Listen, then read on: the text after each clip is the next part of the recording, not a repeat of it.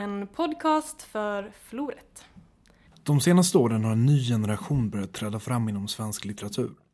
Född kring Berlinmurens fall, inledde sina tonår kring 11 september 2001, gick ut gymnasiet i samband med börskraschen 2008. I nya avsnitt möter vi författare, kritiker och akademiker ur den generationen som får berätta om sina tankar kring litteratur idag. Jag heter Filip Stålhandske och det här är Murens fall.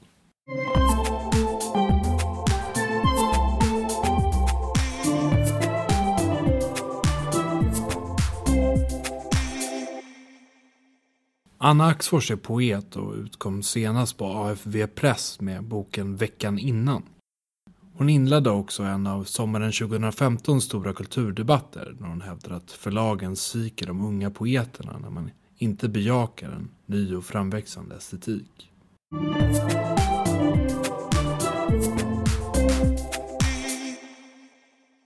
Värre än sådana som tycker illa om en är sådana som dyrkar den. Alltså det måste jag ändå säga att jag har stött på även fast jag inte är känd. alltså så här, det här liksom att man gör, de, någon som tycker att man gör något så himla bra och så vet man att ja, men man vågar typ inte, man vet att om, om jag säger typ om en svordom så kommer jag falla i den här personens ögon. Så att eh, liksom back off, dyrka mig inte liksom.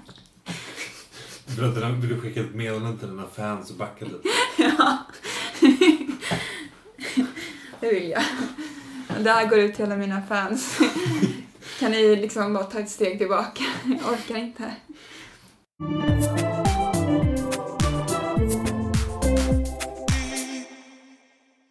Jag är typ så poesins Ingvar Kamprad eller vad han heter. Mm. Eller något så här, jag är som någon så moderat som bara, ja men i Sverige, här kan vi inte starta företag för att liksom, det kommer inte gå. men ehm, eh, jag tycker liksom inte att poesin är så sexig i Sverige och jag tycker att den ska vara det. Så är det liksom. Och sen så, men om man säger det, så blir det ju så här, ja men ehm, eh, varför ska poesin vara sexig? Det är så mycket annat. Ska poesin också vara så här Paradise Hotel-ytlig typ och liksom, ja men det är det som hela poesidebatten har handlat om, tycker jag. Alltså den som då var. Den, den under sommaren? Ska vi prata om den i alla fall? Nej, vi kan glida över i den. Kan vi göra. Ja. Mm. Alltså det har ju lite där med det här att göra liksom. Let's make poetry sexy again. Kan, kan du summera poesidebatten? Med, med början i, i ditt inlägg. Ja men jag skrev ju liksom att eh, eh, förlagen går miste om bra unga poeter. För att de är för blinda liksom och för så här enkelspåriga. Och eh, alltså så här, det hänger ihop med det. det. Poesin i Sverige idag är inte kul. Den är inte det. Och sen så får väl vem som helst skriva vad den vill. Alltså, jag vill inte... Okej, okay, jag ska först summera debatten. Eh, jag skrev det inlägget Eh, Jack Hildén svarade på det att ja, men, eh, svenska unga skribenter är inte tillräckligt bra. Hade ni varit tillräckligt bra så hade ni blivit utgivna, precis som jag. Alltså Jack Hildén. Eh, och eh, vad hände sen? Christian Lundberg skrev eh, typ, eh, ja ja, men kanske ligger någonting i det, men tänk på att, eh, för jag jämförde ju med Danmark där klimatet ser lite annorlunda ut skrev han. Tänk på att eh, i Danmark så kommer alla de här stjärnpoeterna från eh, en och samma författarskola. Och det är inte eh, bra att alla stöps i samma form. Viktor skrev väl i Expressen, typ det som behövs är en tidskrift som kan eh, liksom eh, mata de unga poeterna och liksom göra det mer levande typ. Sen så blev det väl ganska så här att Ja, men jag tycker fokus handlade, hamnade väldigt mycket på att jag hade jämfört med Danmark. Och det gjorde jag ju. Det är relevant. Men det var inte dansk poesi det handlade om. Sen blev det väldigt mycket, ja men, ja, är dansk poesi så bra då? Och bla bla bla. Men liksom, huvudsaken är att svensk poesi är inte särskilt intressant. Det är liksom egentligen min huvudpoäng. Ehm, men sen så blev det också mycket så här, ja men det är visst intressant och så här, ja men ska man verkligen så här klanka ner på alla poeter som har kämpat så här. Och eh, de är ju jättebra så här och nu ska jag gå och låna en diktsamling på biblioteket. Det, det blev lite den stämningen att vi ska ta fram den här svenska poesin. Kolla här, Aseberg släpper en ny, eller Åse eller vad hon heter, släpper en ny diktsamling. Den ska vi hylla. Alltså det blev lite så här, ja men vi ska ta vara på det vi har. Så här, klaga inte, nu ska vi verkligen så här Eh, ta vara på det här. Och och det, det är ju väldigt fint, alltså gör det. Men det är liksom inte det, det är inte min eh, framtidsdröm liksom. Eh, eller, eller vad ska man säga, alltså det är, inte, det är inte det jag tror behövs. Alltså behövs och behövs. Det är väl ingenting som behövs egentligen. Det kanske är det som har blivit lite skevt också att ingen, jag tror inte att tonåringar eller barn, vem som helst behöver poesi idag. Ja men de kan lyssna på Veronica Maggio eller eh, vad heter det, Lorentz eller någonting. Det tror jag liksom de är nöjda med. Men jag kan inte göra musik. Jag kan bara skriva. Så därför så skulle det vara nice om ett förlag ville ge ut mig. För att eh, jag tror att det skulle gå hem liksom. Jag tror att, eller jag, alltså det är ju liksom, som sagt, jag tror inte att någonting behövs. Det är mer att jag personligen vill ha en ny våg av ung svensk poesi som gör någonting annat än vad den har gjort in, eller vad som har funnits nu liksom. Och eh, det är inte för att man har någonting emot den gamla eller liksom den nuvarande. Utan det är bara, ja men, det är vad jag vill liksom. Och eh, sen kan man säga så här, ja men skapa det då. Det blir också lite den stämningen i den här debatten att, ja men gör det då. Säg inte bara vad ni vill, utan ni måste göra så här. Ja men grejen är, för det första så är det inte som att det var jättelätt för mig att skriva den här artikeln och få in den. Som att ja, men du hade lika väl kunnat skriva en dikt, typ. Ja, men du hade kunnat göra någonting. Nej, alltså, det var ju ganska svårt att få in den här artikeln i Aftonbladet från början. Och eh, alltså hade jag inte skrivit den artikeln så hade jag ju inte blivit publicerad med något annat, någonting så här. Jag hade inte blivit publicerad med någon dikt liksom. Och eh, jag, det här med att man ska göra saker, ja men jag gör ju jättemycket saker, poetiska saker, som många andra gör. Det, men det finns liksom en glasvägg när det kommer till om det ska komma ut i offentligheten. Det spelar liksom ingen, det spelar ingen roll vad vi gör. Alltså det gör det verkligen inte. För att eh, förlagen liksom har inte vaknat riktigt.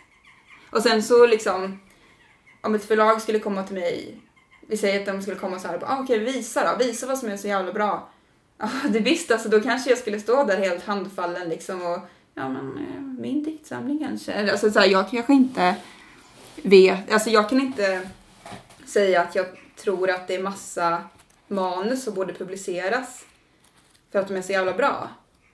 Men faktiskt att jag tror att mycket borde publiceras för att det ska bli ett levande ungt litteraturklimat. Så att bra saker kan komma ur det. Till exempel min diktsamling eh, veckan innan. Nu har ju jag skrivit den och jag tycker den är bra och jag vet inte hur bra den är. Men jag tycker att den borde ha publicerats på ett större förlag. För att den kommer med något nytt och andra skulle kunna läsa det och skriva någonting nytt själva. Det kan födas fram text ur text. Men det, nu är det som att förlagen sitter där och väntar på det perfekta manuset. Som ska liksom komma från ingenstans. Eller som ska komma från någon så här mylla, ung så här, eh, klimat. Men om man, om man inte blir uppmuntrad, om vi alltså aldrig tjänar pengar på, att, på en uppläsning eller på en publicering i en tidskrift, då kommer det inte bli, då kommer det dröja med det där mästerverket liksom som förlagen väntar på. Ja, men det är som på en arbetsplats typ, om chefen inte ser de anställda och liksom inte bryr sig om vad de håller på med, då kommer de heller inte jobba särskilt bra och de kommer inte eh, komma med någonting strålande. Liksom. Men den vanligaste kritiken har ju varit att varför ska vi bry oss om vad chefen tycker? Mm. Ja, men för att vi jobbar på den arbetsplatsen. Jo, men det är kanske mer, ja, kanske mer det. Att är, det är det rätt metafor för, för poesivärlden? En arbetsplats där det finns en chef. Och den chefen Ja, men lite rätt tycker jag nog. Det är klart att eh, konsten sker inte eh, innanför Bonniers väggar. Eller så här, det är ju inte där som det bränner till liksom. Eh, och det gör det väl inte i Danmark heller, alltså i den i korri- korridoren liksom. Men pengar spelar roll, även inom kultur. Det är väl det liksom att man skiljer, det är som att konst har ingenting med pengar att göra. Men, men det har det, för att ska man kunna ha den tiden och det självförtroendet som krävs för att skriva någonting riktigt bra så måste man på något sätt få uppmuntran eller pengar eller bara liksom det, den liksom självförtroende-boosten som det skulle innebära att få ett kontrakt.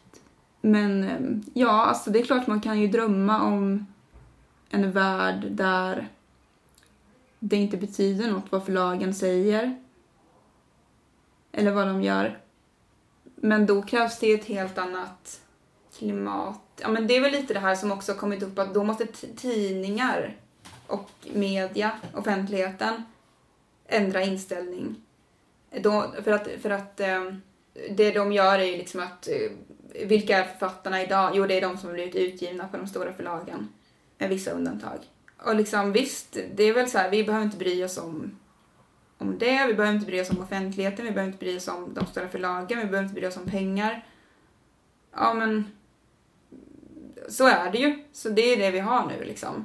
Och det, det funkar ju liksom. Vi, man försöker skriva liksom ändå. Men, och hålla på med sitt. Men jag tror att eh, man i längden blir ganska less. Liksom, om man inte får något, någon uppmärksamhet från någon slags vuxenvärld. Men visst, alltså det kanske är det kanske är onödigt att tänka så.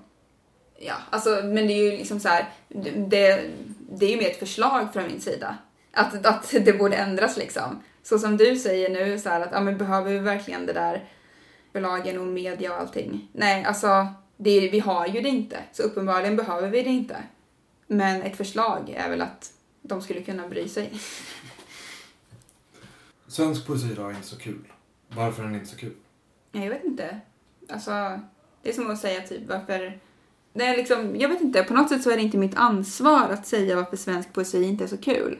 Förstår du vad jag menar? Alltså jag förstår att du Nej. ställer frågan, men, men jag, jag vill inte känna så här att jag har ett ansvar i att efter, att, efter att ha framfört den här åsikten så har jag sen ett ansvar att säga varför den inte är kul. Ja men den är inte, alltså jag vet inte, tycker någon det liksom? Alltså om, om jag var den enda som kände så så kanske jag skulle behöva försvara mig. Men tycker någon att den är kul? Det är väl som ett skämt. Antingen så skrattar man eller så gör man det inte. Men jag tänkte mer att vad är det du tycker inte är roligt? Ja, men jag tror att eh, den kanske inte riktigt knyter an till verkligheten idag på något sätt. Eh, ja, men som du inleder den här podden med. Det här eh, födda under Berlinmurens fall, un- inledde sina tonår kring 11 september och tog studenten vid börskraschen 2008 det är inte det som svensk poesi idag handlar om. Riktigt. Och eh, med kul så menar ju inte jag att det måste vara roligt så, här, så att man skrattar, även om det är ett plus liksom. Jag försöker själv eh, skriva humoristiskt. Men eh, ro, med roligt så menar jag kanske att man ska känna en connection med eh, texten och eh, kunna eh, på något sätt läkas av den. Eh, så som man gör med eller jag säger man nu, men okej, okay, säga jag så blir det inte så allmängiltigt. Alltså att jag som, jag, som, som jag kan läkas av en låttext av Lorentz till exempel. Så skulle jag också vilja kunna göra med poesi. Och det kan jag ju också med viss poesi. Men, ja men jag liksom... Jag, jag skulle önska att poesin...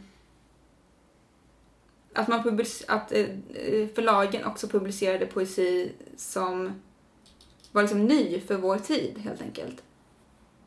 Både liksom till tema och till estetik, stil och så, och språk. Vilka poeter läker dig på samma sätt som Lorentz?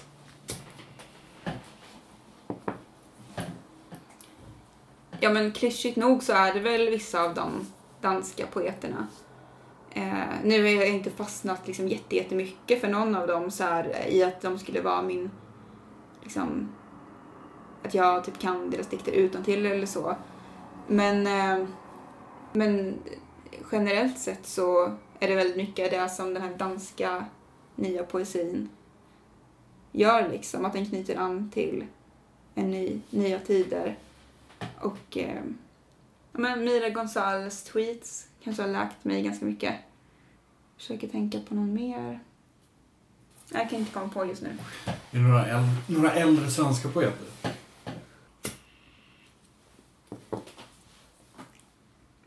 Eh, Inger Edelfelt är ingen poet, men hon har lärt mig ganska mycket. Och eh, ja men eh, jag har inte läst jättemycket Stig Larsson, men han lite grann. Jag tror jag gillar poesi som känns nära. Att det känns eh, nära ens egna tankar fast höjt några snäpp liksom. Ger ändå nya idéer eller aha, kan man tänka så här? Och kan man se det på det här sättet? Att um, men Asta Olivia Nordenhof till exempel, danska poeten. Eh, hennes diktsamling det enkla och det ensamma. Den handlar om ganska tragiska saker. Eh, och det är ju inte en rolig diktsamling. Men den har perspektiv på allting den skriver om. Liksom. Att, vilket får mig att tänka ha, man får ha varit med om ganska tragiska saker och ändå vara en hel och normal människa.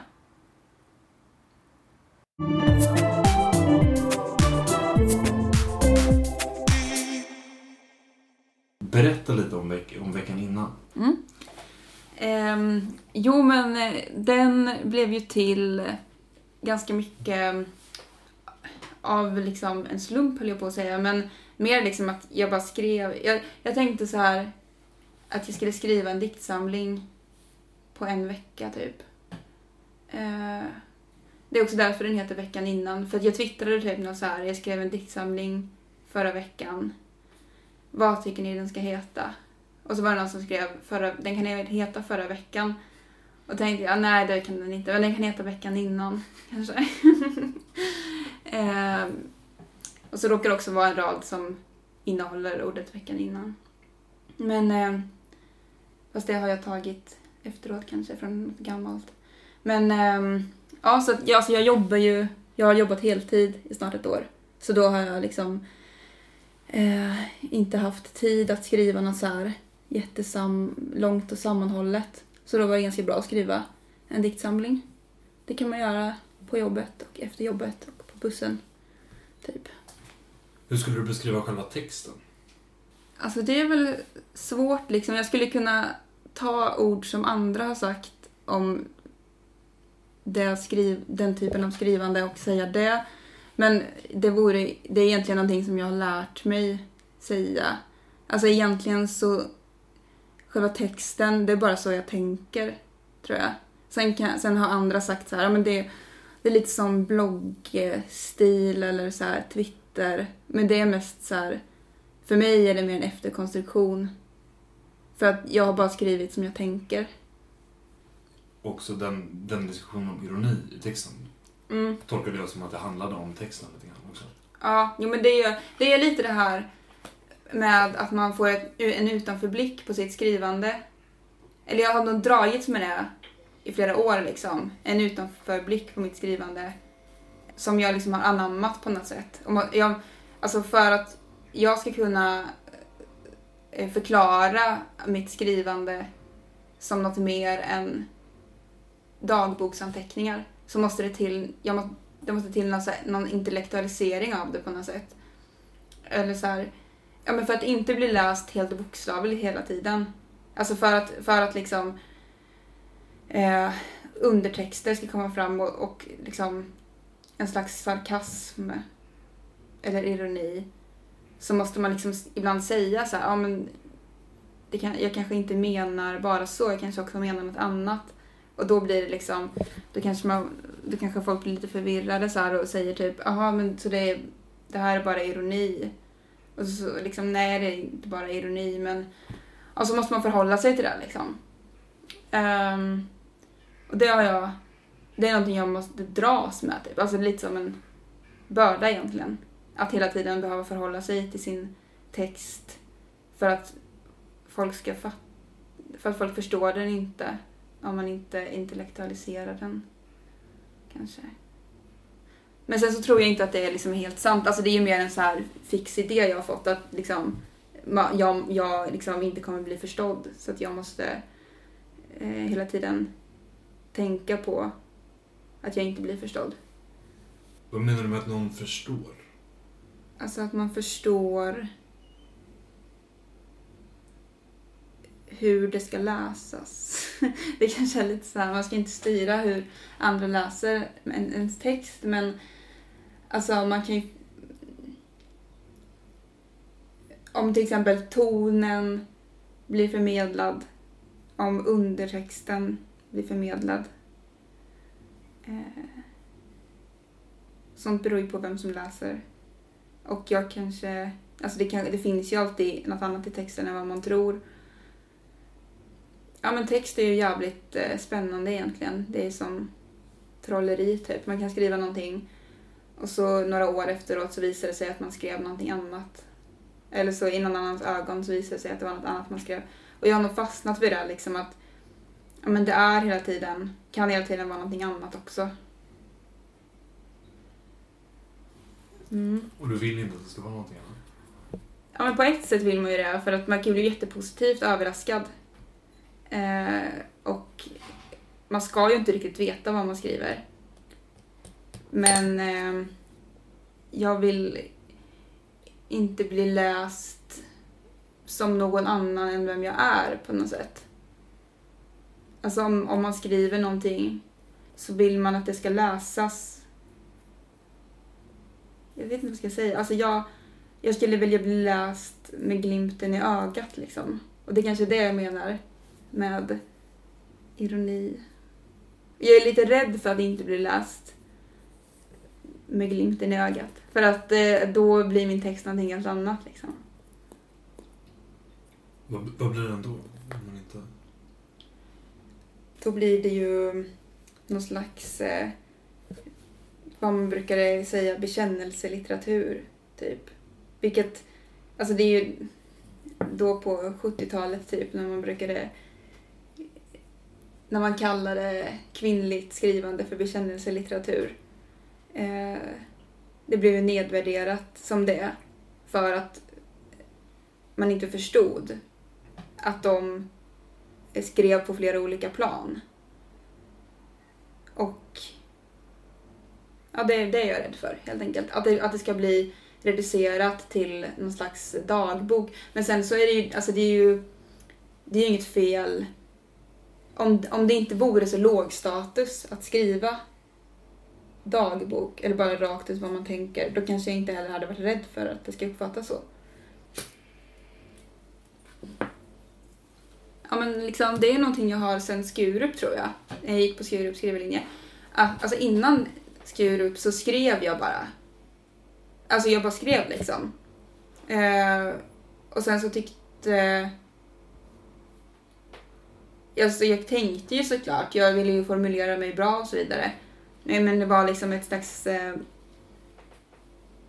um, ohämmat, naivt skrivande liksom.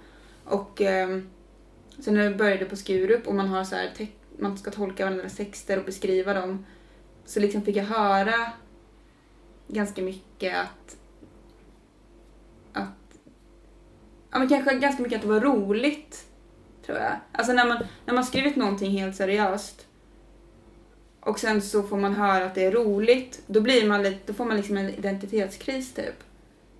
Så därför så har jag blivit tvungen att, eller jag, jag, har, jag vill inte få de där, bli överrumplad eh, av att ja, men jag har skrivit något helt annat än vad jag trodde. Så därför så har jag verkligen försökt ta kontroll över mitt språk.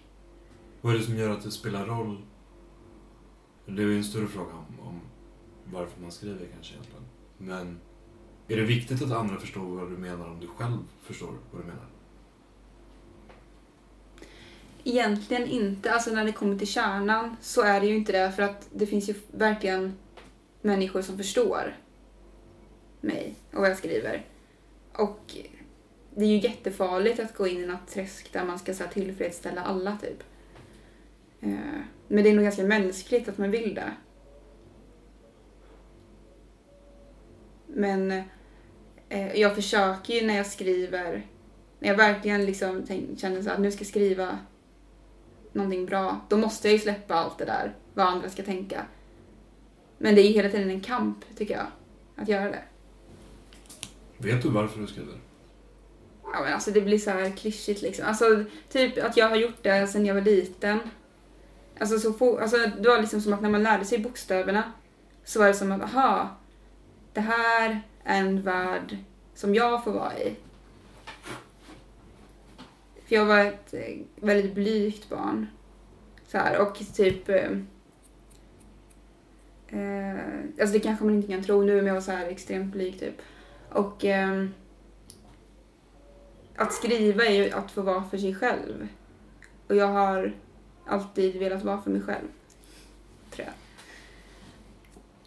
Så du började i någonting du gjorde för, för dig själv? Liksom. Ja, ja, alltså verkligen. Alltså jag kunde sitta och skriva så här. Jag skrev typ Hej och välkomna till Lindex. Det här är ett medlemserbjudande. alltså jag skrev sådana saker för att låtsas typ att jag var så här en kassörska typ, att jag drev ett företag. uh, och sen också berättelser, men de var inte till för andra för att jag kommer ihåg att jag skrev typ om några barn som bara gick runt en ö så här. Vi bara runt och runt. Och den, alltså jag har inte kvar den men den kan inte ha varit så bra. Den, den hade liksom ingen början, mitt eller slut. Den bara fanns så här. Men så att jag, jag har ju skrivit för mig, jag, så det, man skriver för sig själv och, och, det började så. Men jag har alltid haft en vilja också att bli, bli eh, erkänd liksom som bra på att skriva. Eh, jag har liksom alltid velat bli författare. Vad innebär det att vara författare? Att eh, få jobba med att vara sig själv på något sätt. Alltså att det är ens yrke typ. Liksom, om man får ha titeln författare eller poet då är det liksom som att ja, man får göra vad som helst. Till exempel nu jobbar jag som receptionist. Ja, det är ju en ganska begränsad roll liksom. Speciellt med, tan med tanke på vem jag är egentligen. Sen så vänjer man sig vid den rollen. Men reduceras också lite som människa. Och det tänker jag att jag skulle göra i ganska många yrken. Men om jag får kalla mig poet eller författare och så småningom tjäna pengar på det, då kan jag liksom vara mig själv fullt ut. Så känns det. Att det är viktigt att göra det till en identitet? Ja. Eller det har liksom alltid varit min identitet. Jag antar att alla vill ha en identitet. Så att om du skriver så kan... Så, eller om, det, om du är författare eller om du är poet så kan du undvika att vara receptionist. Reception, att sitta i en reception bara någonting du gör. Mm. Sen går det inte riktigt att undvika ändå för att när man väl sitter där åtta timmar om dagen så blir man ju receptionist. Alltså man, man blir glad om man lyckas eh, få någon glad. Alltså man, man blir glad när man uppfyller eh, de målen som en receptionist liksom ska uppfylla. Typ. Eh, men det blir som en egen värld, liksom. det blir en identitet som man vänjer sig vid också. Men visst, alltså jag hade ju inte, hade jag inte skrivit, eh, hållit på med skrivande och känt massa skribenter och släppt den här diktsamlingen till exempel, utan om jag fortfarande hade varit där jag var innan jag började Skurup till exempel, att liksom ingen, inte så många eh, ser en som en skrivande person och så vidare. Då hade jag nog inte stått ut med att jobba som receptionist.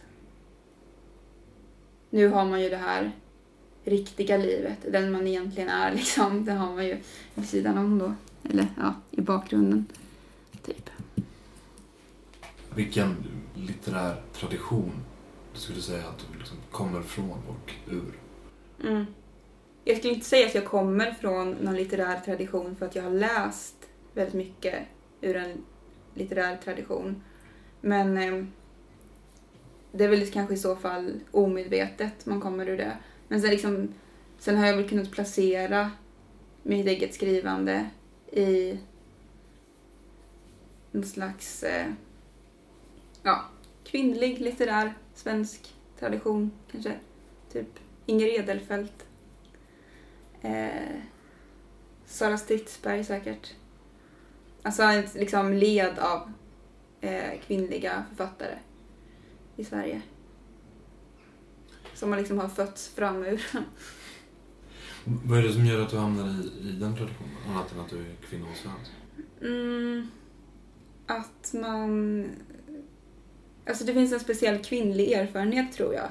Också i så här... Eh, det humoristiska. Alltså i, i mycket av det som jag skriver som upp, kan uppfattas som humoristiskt så tror jag att det finns en kvinnlig erfarenhet liksom. Eh, alltså att man... Det är en slags samhällskritik mot att vara kvinna typ. Eller den liksom kvinnorollen som man måste förhålla sig till. Och liksom att man jobbar med en kvinnlig estetik. Som till exempel min diktsamling då som har bakgrund, eh, äh, baksidetexten från Åhléns till döden. Att, ja men Åhléns det är ganska kvinnligt. Eh, men så parallellt med det så går det liksom ett mörker genom texten. Eh, ja, så att från Åhléns till döden sammanfattar väl det ganska bra. Hur skulle du säga att den här tiden som du vuxit upp i, att vara född kring Berlinmurens fall, etc. Hur skulle du säga att, att den tiden har, har präglat dig? men det är faktiskt, jag, jag har precis börjat tänka på det faktiskt.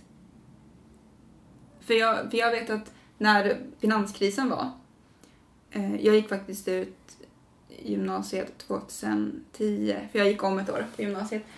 Eh, jag minns att det var så här, något snack om, ja men stackars de som liksom ska ut på arbetsmarknaden nu och stackars de som ska växa upp i det här.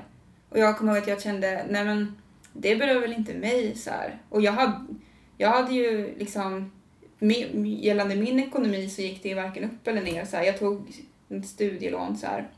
Men nu i efterhand så kan jag bara, herregud vad tragiskt det var att gå ut på den där arbetsmarknaden där det liksom inte fanns någonting. Och eh, nu kanske det inte är ett drömjobb jag har, men jag tycker att folk som går ut gymnasiet och även folk som liksom inte går gymnasiet förtjänar att få ha ett riktigt jobb som jag har nu. Alltså verkligen liksom att det ska finnas som alternativ. Det är helt sjukt att det inte gör det. För att eh, ja, men vi, min generation är ju som någon så här vuxenbarn som bara flyter omkring typ. Man blir ju vuxen väldigt tidigt idag. På något sätt. Ja men med internet och, och allting. Och att det är ett ganska hårt samhälle. Men samtidigt så blir man aldrig vuxen. Och det, alltså, tror jag orsakar ganska mycket lidande faktiskt. Skulle du säga att det har gjort något avtryck i hur du skriver? Ja, inte då kanske på gymnasiet och så innan jag hade kommit ut i det där. Kanske inte de första åren för då skrev man fortfarande lite så här, ja, men när jag skriver så bearbetar jag minnen ganska mycket tror jag. Så de första åren efter gymnasiet kanske jag fortfarande skrev, eller då skrev jag nog inte så mycket.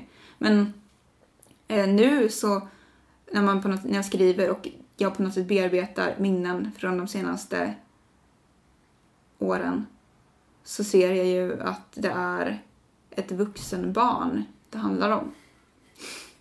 Att eh, liksom det är en, ett liv som är varken det ena eller det andra på något sätt. Och som eh, katastrofen finns hela tiden närvarande. Barndomen finns hela tiden närvarande. Och eh, att eh, jobba heltid som man plötsligt gör finns ju då som något så här nytt element i livet typ. I alla fall i min diktsamling. Tycker du man kan se det i, hos andra poeter i vår ålder, eller författare i vår ålder? Man kan väl se det lite i att, eh, ska jag säga, alltså, ja men kanske att det är ganska fragmentariskt ofta. Vilket kanske speglar ett sånt liv på något sätt. Där man inte riktigt vet var man är, men vill vara på väg någonstans. Det är väl... Jag tror inte att... Eh, jag vet inte, Klas Östergrens första roman, vad hette den? Den kanske liksom inte hade skrivits idag, även om han hade varit liksom ung idag. Eh, för det första hade den kanske inte blivit publicerad, men för det andra så hade den kanske inte skrivits. Alltså, att man... Det är nog svårt idag att skriva en roman med början, mitt och slut. För det är på något sätt inte så som livet ser ut.